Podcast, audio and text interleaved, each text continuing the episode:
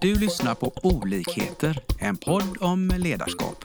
Vi som står bakom podden är Leadership to Grow.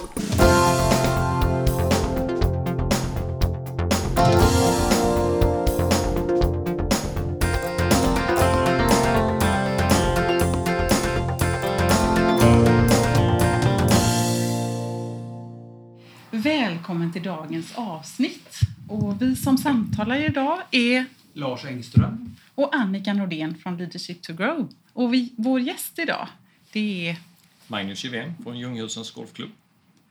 härligt att ha dig här Magnus. Tack så mycket. Jättetrevligt. Ehm, vi tänkte att du kort bara skulle kunna få beskriva för oss vem du är. Ja, jag är en eh, 54-årig person som är uppväxt här nere på Falsterbonäset eh, hela mitt liv. Varit utomlands och jobbat en del och även eh, andra delar av Sverige men eh, har, eh, har förmånen idag att vara klubbchef på Ljunghusens Golfklubb. Och det är den tredje golfklubben jag jobbar på. Jag har jobbat mycket inom IT, ekonomi och, och golf i hela mitt liv. Det har varit mina tre beståndsdelar. Och eh, jag lever i Skanör och är gift med Otti, min fru. Och jag har sedan tidigare en dotter som är 23 år gammal, tidigare äktenskap. Och jag eh, lever och verkar här för, för, för golfen på Falsterbonäset och utvecklar den. Det, det är det som driver mig framåt. Med de utmaningarna vi har, allt från natur och personal och besökare och medlemmar och allt. Spännande att höra.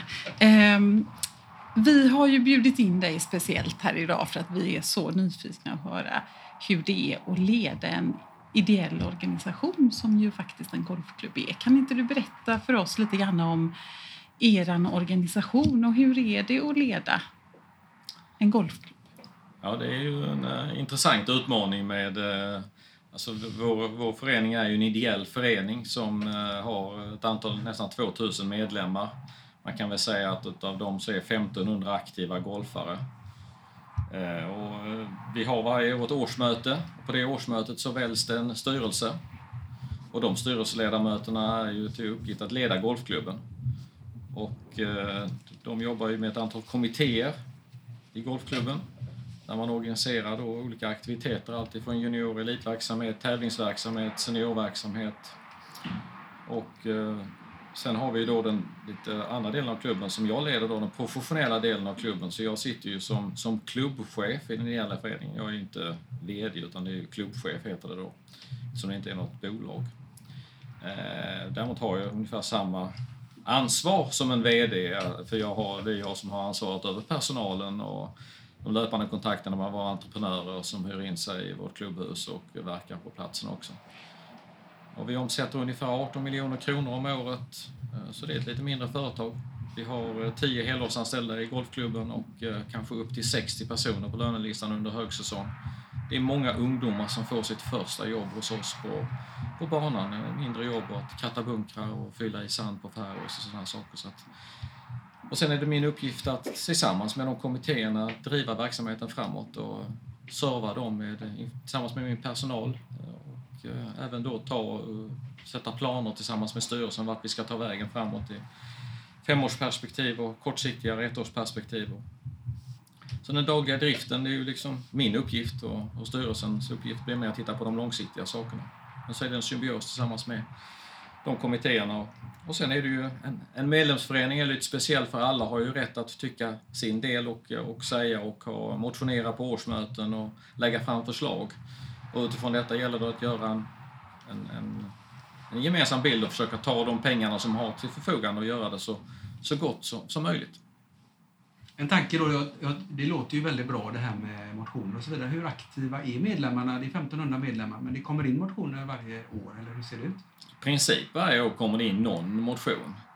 Eh, Mycket fångas ju upp löpande, skulle jag vilja säga, i den dagliga, det dagliga arbetet i golfklubben, att det kommer fram saker och ting. Och oftast har vi ju vi har ju ofta större mål, saker och ting som vi vill göra och mycket på listan framåt än vad, vad, vi, vad vi kan göra utifrån de ekonomiska möjligheterna vi har. Och det är väl positivt så, så att säga. Eh, men, men det kan ju också vara upplevas, ibland kan det ju vara frustrerande för vissa medlemmar att det inte går tillräckligt fort fram och ibland tycker vissa medlemmar att det går för alldeles för fort fram. Så det är ju hela tiden det här spektrumet att, att försöka få så många som möjligt nöjda utifrån det man gör. Och det har jag lärt mig genom året att jag kan aldrig göra 100% nöjda. Kan man nå upp till 85-90% av medlemmar och gäster nöjda utifrån den utveckling man gör framåt så har man nått väldigt långt. Men att nå allt, det, det går inte. Och det, det, det, måste man leva med också, att, eh, annars mår man inte bra som ledare. Men det låter ändå som då att, eh, om man talar då föreningsdemokratin, eh, verkar vara hälsosam och bra. Att ni, ni har en kanal in där och sen, sen låter det som att mycket av strategiarbetet sker via styrelse och så vidare. Stämmer det? Ja, men det stämmer ju bra att det är styrelsen och vi, personalen och jag som, som plockar fram de planer som man gör. De presenterar man för årsmötet. Eller på, det, det är ju en process som löper över hela året. Man utvärderar och driftar under året och sen framåt hösten så eh, tittar man på vad man har gjort och vad kan vi göra nästa år, vilka ekonomiska möjligheter har vi? Och så lägger man förslag dem till årsmötet och så har vi alltid årsmöte sista lördagen i januari varje år. Och där tar man ett beslut. Och sen så är det ju dags att implementera de sakerna under året och så fortsätter man i den processen. Och så har man kanske lite längre mål för saker och ting som, tar, som är lite dyrare, där man måste samla pengar eller hantera det på ett annat sätt. Men, men eh, processen i det fallet, den, den fungerar ju. Och som sagt medlemmarna kan ju tycka och tänka om saker och ting. Sen är ju vissa saker viktigare och mindre viktiga för, för folk. Hur jobbar ni generellt? Det låter som ni har en bra målstruktur. Hur jobbar ni med mål? Ja, men vi har ju en verksamhetsplan som, som eh, vi, vi uppdaterar varje år. Det är en femårsplan och den finns eh, en plan för hela klubben och det finns en plan för speciellt banan och, och vad, man gör där. Och sen är det de olika områdena. Var, varje kommitté ska leverera. Det kan vara juniorträning för juniorer och det kan vara eh, tävlingsaktiviteter för seniorer och tävlingsaktiviteter för eh, i tävlingskommittén. Så, så det, det beror på lite grann vad det är. Men de, de finns ju nedskrivna där. Och, och de, de jobbar man vidare med. Något försvinner och något kommer till. Och det gäller ju för oss också att vara en del utav samhället. Vi har ju naturligtvis lagar och regler som vi måste följa precis som alla andra som arbetsgivare med arbetsmiljöfrågor och brandskydd och sådana saker som, som styr oss eh, ganska kraftigt i vad, vad, vad jag som chef och min personal får lov att göra och vad, vad, vi måste göra för att upprätthålla vår funktion i, i samhället. Så det, det styr ju alltihopa. Med, men, men sen så kan vi ju naturligtvis utveckla verksamheten och stoppa tillbaka investeringar för att göra det, banan bättre eller klubbhuset bättre eller eh, satsa mer på junior och elitverksamhet. Är det en svår balansgång där, elit kontra bredd? Nej, alltså vi, vi har väl sagt i vår klubb att, att vi är en familjeklubb.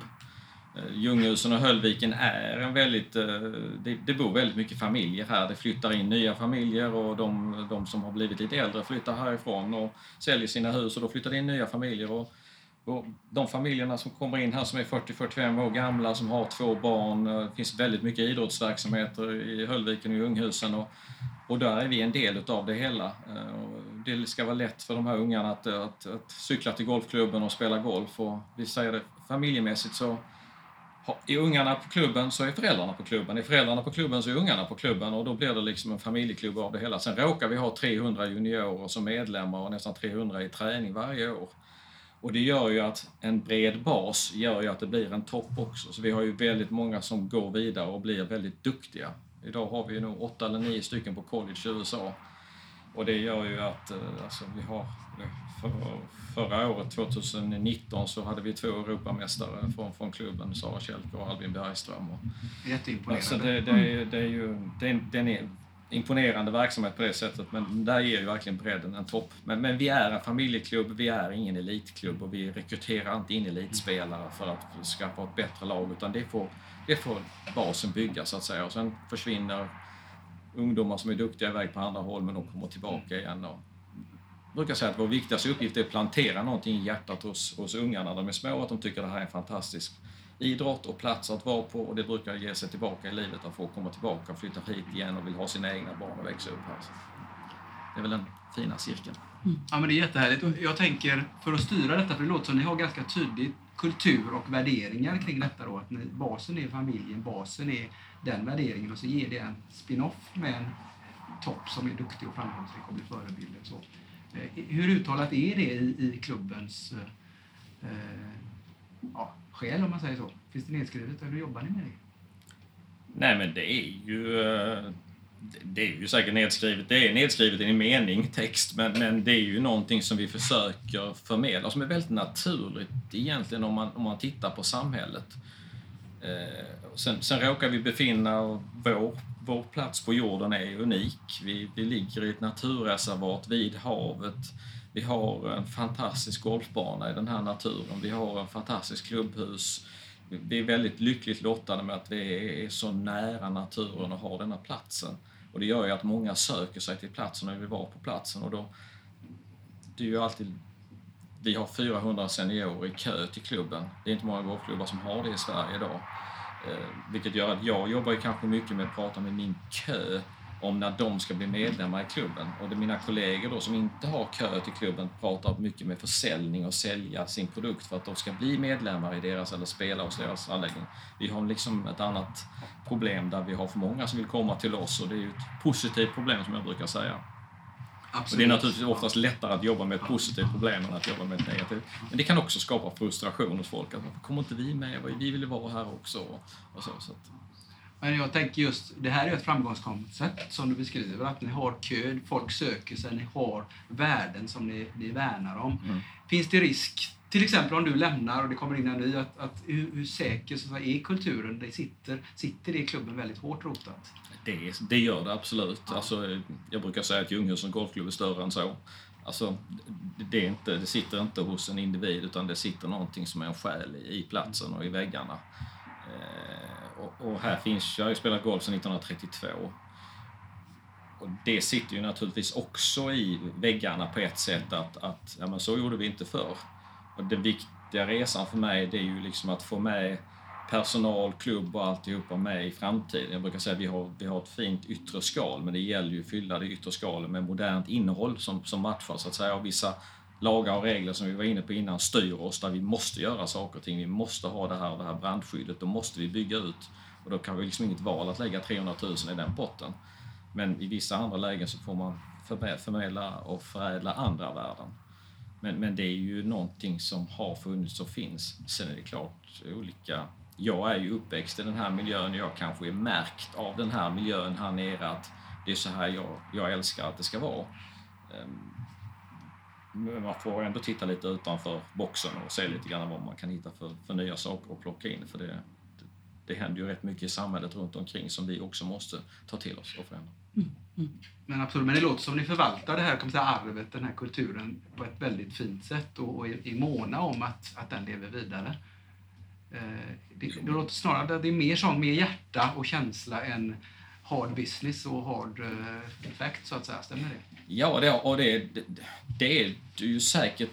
Alltså hade du tittat på det rent företagsekonomiskt på det hela så hade du ju kunnat höja inträdesavgifter och årsavgifter ganska kraftigt för att få ett liksom, när de möter varandra, de här maximeringarna. Men det går ju inte riktigt att göra om du ska ha en familjeklubb för att även om vi har det, alla som bor här nere och är medlemmar i klubben har det ju väldigt gott ställt om vi säger vi jämför det på ett... På en, om vi tittar på världen runt omkring oss, vi, vi är på en fantastisk plats och vi har det bra ställt. Sen finns det naturligtvis problem här också, det, det förstår jag ju också. Men eh, vi, vi försöker liksom också se det här som en del av familjeklubben, att alla har inte lika mycket inkomst. Det finns några som har väldigt mycket pengar och några som har lite mindre pengar, men det gäller att få alla att, att få vara på den här platsen och det är inte det som avgör hur mycket pengar du har för att du ska vara på platsen, utan det här är ju också en del utav det ligger i golfen, empati, du är din egen domare, det är rätt och fel och sådana här saker. Sen är vi ju också, vi, vår mark arrenderas. Största arrendatorn till oss är, är ju kommunen med naturreservatet då med Ljungheden där nere. Det här handlar ju om att vi ska göra någonting bra av den biten mark i naturen som kommer oss till del och som kan komma kommunen till del i form av turism eller goda anseenden utåt. Så det, det är många saker som påverkar de bitarna. Mm. Det låter jättehärligt. Så om man talar ledarskap och drivkrafter så är det väl snarare där vi finner kraft och energi än det rent eh, om man säger, företags eller driftande organisation? Att... Ja men så är det ju. Alla vill ju, alla vi som jobbar där har ju ett stort hjärta i platsen och miljön här och vill, vill skapa en ännu bättre plats och en ännu bättre miljö. Och, och många av er drivs i mötet mellan människor. Vi möter ju väldigt mycket folk och människor. Att, att, alltså det är ju den stora glädjen att, att, eh, höra att ett gäng eller en grupp medlemmar eller något har haft en fantastisk dag på, på vår anläggning och, och säger det efteråt och sådär. Eh, och sen så att vi kan utveckla banan och göra den ännu bättre, eller klubbhuset, och, och så att folk kommer tillbaka och tycker att fan, det här var en härlig plats, nu vill vi komma tillbaka igen. Det, det, det låter jättehärligt tycker jag. Mm, mm. Apropå ledarskap. Eh, det ser vi ju många gånger eh, vad vi är för någon typ av ledare när vi hamnar i ett vägskäl och ska fatta ett, beslut, ett svårt beslut. Har du något sånt som, som du skulle kunna berätta om? Oj. Um, ja. det där är ju, alltså man hamnar väl i olika vägskäl. Alltså jag har ju också, allt är ju inte guld och gröna skogar i en sån här organisation heller. Man hamnar ju också i svåra ledarskapsfrågor där man, där man ska hantera personalfrågor som jag tycker oftast är, är jobbigast. Och det kan ju säga hantera, det kan ju vara hela vägen ner till uppsägningar, att tala om för folk att de inte är lämpliga. Och, avsluta det. Det kan jag väl tycka att det har alltid varit det jobbigaste i mitt liv eh, med, med, med att jobba med, med personal och ledarskap, att göra det på ett, på ett bra sätt. Det finns väl aldrig ett, ett bra sätt att skiljas ifrån varandra, eh, oavsett om det är skilsmässor eller om det är, är att man ska lämna en arbetsplats och sådana saker. Men om jag på något sätt kan hamna i en situation så småningom där någon kommer tillbaka till mig efter fyra år och säger att det här var det bästa som hänt mig, att jag kom vidare och gjorde någonting annat. Då, då kan jag känna att det är bra, men jag kan ju inte se det direkt i det läget utan det, det, det får man ju bara försöka jobba till. Eh, så alla de sakerna formar ju en på något sätt. Eh, där om allting är, man kan tycka att ja, men ni har det så lätt där ni gör saker och ting, så finns det ju ändå utmaningar här också att hantera och hantera olika medlemmars avvikande uppfattningar eller upprörda gäster eller personal som inte mår bra eller har det bra eller kanske är på fel arbetsplats. Så finns ju alla de utmaningarna även i mitt jobb. Eh, så. Har du något råd där? För jag blir nyfiken det här att det låter som att det här med jobbiga beslut som tas är det bra att ta dem en gång och sen se att det, eller, eller eh, ska man dra ut på det? Det är väl både och som man är som person och vad man har för erfarenhet med sig. Alltså vissa saker, har du gjort någonting innan så har du ju någonting att referera till. Och det kan jag tycka är ganska lätt att säga att det är sällan bra att dra ut på saker och ting och älta det för länge. För det är bättre att ta steget och komma vidare. Sen kan ju vissa saker upplevas som att det är så oerhört långt att gå. Men ska jag gå in till Malmö härifrån så är det ett antal tusen steg. Men jag börjar ta ett steg i taget och fokusera på det. Så till slut, när jag tittar tillbaka, så ser jag att jag har kommit ganska långt. Och det, det tror jag Ibland är vi kanske lite för mycket, visst framrutan ska vara större än backspegeln, men ibland kan det vara bra att titta någon gång i backspegeln och se vad man har åstadkommit under året, att det var rätt mycket grejer. Stoppar man in lite saker hela tiden så blir det en ocean av bitar. Och det är de jobbiga besluten också, att bryta ner dem. Vad är det vi ska göra i det här? Vi måste komma någonstans på vägen. Hur ska vi göra det? Och inte bara se att oh, det här kommer det här kommer bli dyrt eller det här kommer kosta pengar och vi kommer inte må bra och det kommer bli bråk. Eller ja, man får liksom försöka att, att förklara och ta små steg framåt. Ibland får man ta något steg tillbaka och så komma vidare. Till slut har man kommit igenom det. Och så inte eh, känna att man, det, det är inte att man uppfinner hjulet för ofta har ju någon annan varit igenom samma sak som en själv. Och kan man, kan man vara så pass öppen själv också, lyssna på andra och säga att ja, men jag, jag kan inte allt. Jag måste bara veta ibland att jag kan fråga någon annan och veta det att det finns nog säkert någon annan som har haft det här problemet. Och det är ju så vi använder Google i vanliga fall i samhället idag. Jag letar alltid efter om jag har något problem med någonting där hemma eller vad det kan vara för någonting. Ja, det finns ju säkert någon som har haft samma problem innan. Det är väldigt sällan att jag skulle vara den första som råkar på någonting. Det tror jag är en jätteviktig reflektion till våra lyssnare. Att, att uh, ta hjälp, mm. fråga. Och det krävs lite mod men det är ju, ofta är det väldigt bra att göra. Nej men vi, man får ju, vi är ju inte vi är ju med i arbetsgivarorganisationer, vi är med i eh, Golfförbundet, vi är med i liksom, eh, i omvärlden så, så man, man, man känner att man, har ett, att man tar stöd av de organisationerna också när man, när man har de problemen och, och får förmedlad hjälp. Så det, det, det, tycker jag är jätteviktigt. Och där har ju vi som en av de större och, och mer erfarna golfklubbarna också ett ansvar mot andra golfklubbar att man om andra ledare från andra klubbar vill komma till oss så tycker jag det är jättetrevligt att de kommer till oss och så kan vi berätta om, precis som jag sitter och berättar om vissa saker här idag, att jag pratar med dem om olika saker och berättar över vår verksamhet och sånt. Sen kanske det är ouppnåeligt för en liten klubb ute, landsortsklubb ute på landet. Men de kan åtminstone se vad man skulle kunna göra eller vad det finns för någonting och sådana saker. Sen så tittar vi ju på andra klubbar som är ännu större än oss och bättre ute i världen och försöker lära oss av dem och komma vidare. Så det är väl hela tiden en, mm. att, att, vara med i någon kedja där. Mm. Nu har vi ju pratat lite grann om det här med att ha med hjärtat eh, och ha passion för, för verksamheten och den är ju rätt så tydlig när du, när du eh, pratar. Och eh, inom ledarskap så, så jobbar vi ju väldigt mycket med engagemang eh, som en viktig eh, nyckel för, för att det ska gå bra för, för organisationer. Och det är säkert samma hos er. Skulle du har, har du något recept för engagemanget hos din personal och hos dig? Omedvetet så har jag nog det. Det är inte nog så uttalat. Jag letar ju efter människor som är engagerade av en eller annan anledning. Och oftast det som, det som är drivkraften här är ju att vår plats och golfen är ju någon sorts en gemensam engagemangsskapare för de flesta.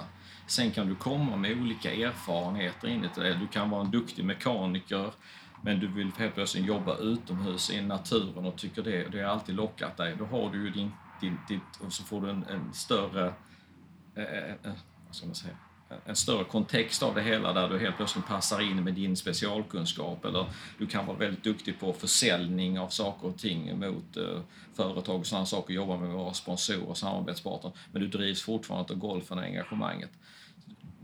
Det är ju de människorna jag letar efter som att sen får vi lära dem vissa alla kan inte allt och inte fullärda, men vi kan plocka ut det som är viktigast då för en mekaniker, att han ska göra det. Sen får vi komplettera med det golfmässiga runt omkring, att just den och den aggregatet ska slipas på det och det sättet för att passa på grinen.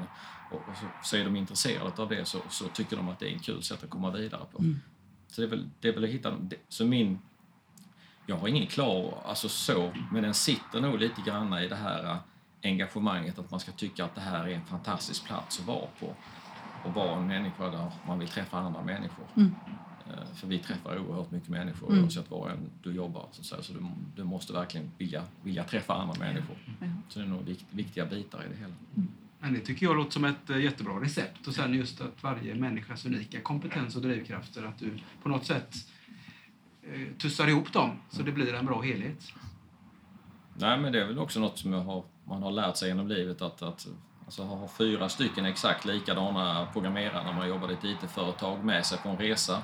Det var inte bra, utan det var bättre att ha två stycken av en sort och en liten uppstudsig person i den ena som kunde ifrågasätta den andra och så kanske inte fjärde typ. Så, så får man en bättre, en bättre grupp så att säga. Men det är ju klassiskt sådär liksom, egentligen, om man sätter samman folk. Så, att, eh. så det är bättre med olikheter, tänker du, i en, i en grupp som ja, ska jobba? Det är nog både och. Ja. Det beror nog på lite grann vad man ska titta på för någonting. Man måste ju ha någon sorts det, är väl det här med platsen och engagemanget för den här idrotten. Den likheten måste alla ha. Mm. För det blir på något sätt den gemensamma drivkraften mot målet. Mm. Men sen så ska alla ha olika kompetenser de kan stoppa in på resan för att utveckla varandra. Då blir det ju intressant för de andra oftast också. Att jag kan lära mig något av dig och av dig så, så blir det bättre. Just det, just det. Jaha, tänker vi att vi ska blicka lite framåt? Eh, hur ser det ut framåt? Eh, vad har ni för några utmaningar?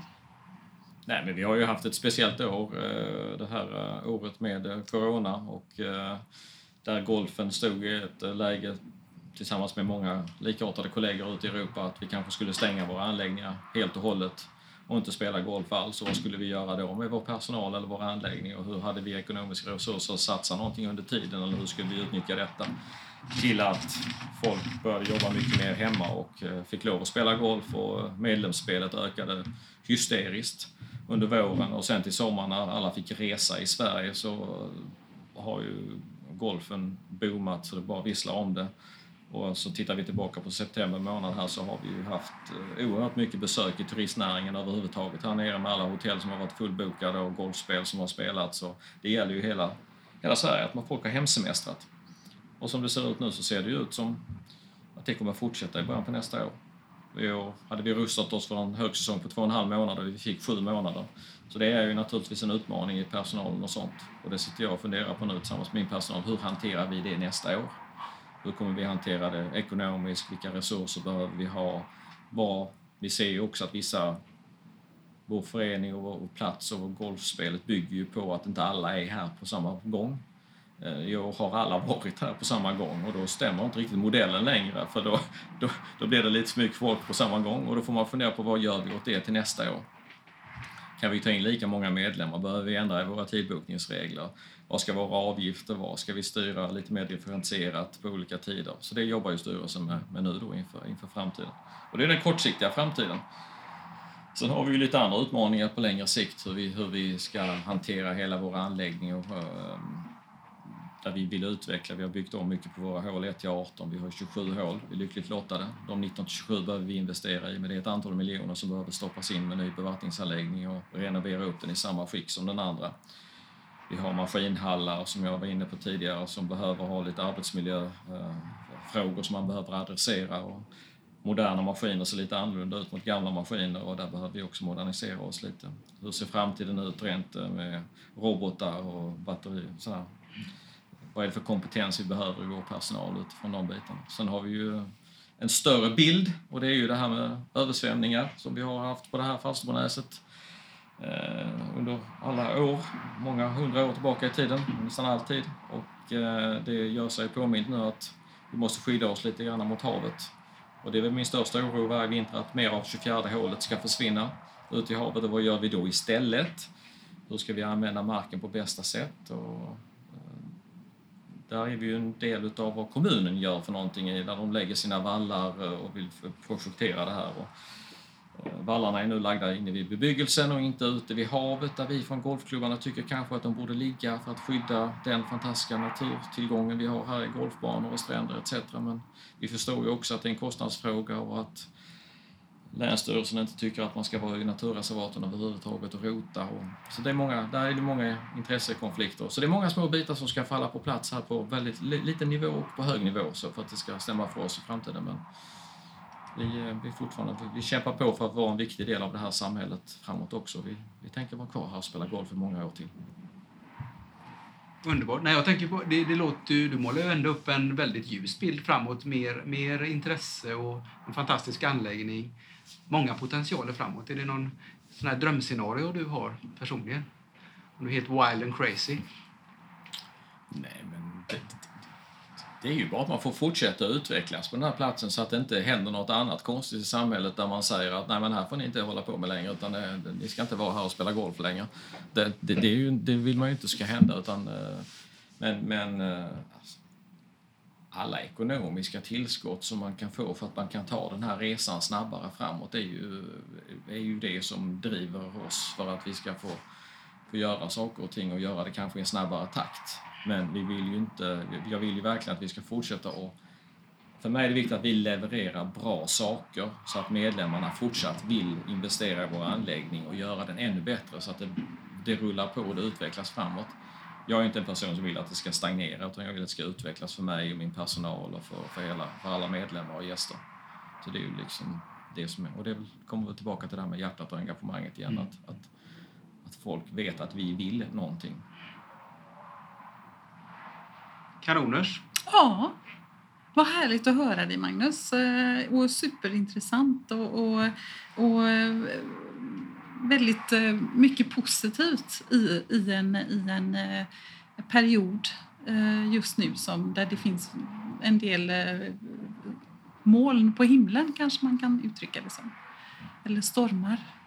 Ehm, så, så finns det så mycket positivt. Och att, att ehm, pandemin har, har ni är ett av de eh, verksamheter där pandemin inte har varit eh, enkom eh, negativt utan har faktiskt medfört en del positiva. Har mm, Absolut, det mycket positiva vi, effekter. Vi, vi ju ändå, eh, man kan ju inte vara vinnare i detta men, men vi har i alla fall kunnat upplåta vår plats till en meningsfull aktivitet för väldigt många personer mm. under den här lite svåra perioden där där framförallt våra äldre har kunnat träffats och umgåtts under ordnade former och varit utomhus och kunnat träffa varandra och inte sitta hemma och klättra på väggarna utan verkligen vara ute och, och, och de som har fått mer fritid har kunnat ägna mer tid åt att ta sin fritid på, på golfen och, och den unika platsen. Så det är väldigt kul. Mm, mm. Ja, känner vi att vi är nöjda här? Har du något mer så som du skulle vilja tillägga som du tänker att våra lyssnare skulle vilja vara intresserade av att höra? Nej, jag kan inte komma på något så direkt. Så det känns som jag... Det är bara att komma och besöka er helt enkelt. Det är, ni är mycket välkomna alltid och det är ju, vår plats är ju också öppen för icke-golfare så att man är ju alltid välkommen. Och vi har ju Skåneleden som går förbi eh, där man vandrar och det är bara att ta sig in i klubbhuset och ta en kaffe eller en lunch eller något sånt på vägen om man vill göra det så har vi öppet för alla. Så att, eh, även om man bara behöver gå på toaletten eller om man behöver vill vad heter det, äta en god lunch så finns det för alla att komma förbi oss. Härligt, vi tackar för den inbjudan. Eh, Då tackar vi också dig eh, för att du har kommit och, och poddat med oss. Tack så mycket, det var Tack, väldigt tack. trevligt att vara här. Ja, Vi hoppas att vi har väckt tankar om hur du kan utveckla och stärka ditt personliga ledarskap. Följ oss gärna på våra sociala medier där vi heter Leadership to Grow. Om du vill ha mer inspiration och verktyg, gå in på vår hemsida leadershiptogrow.com. Tack för att du lyssnar.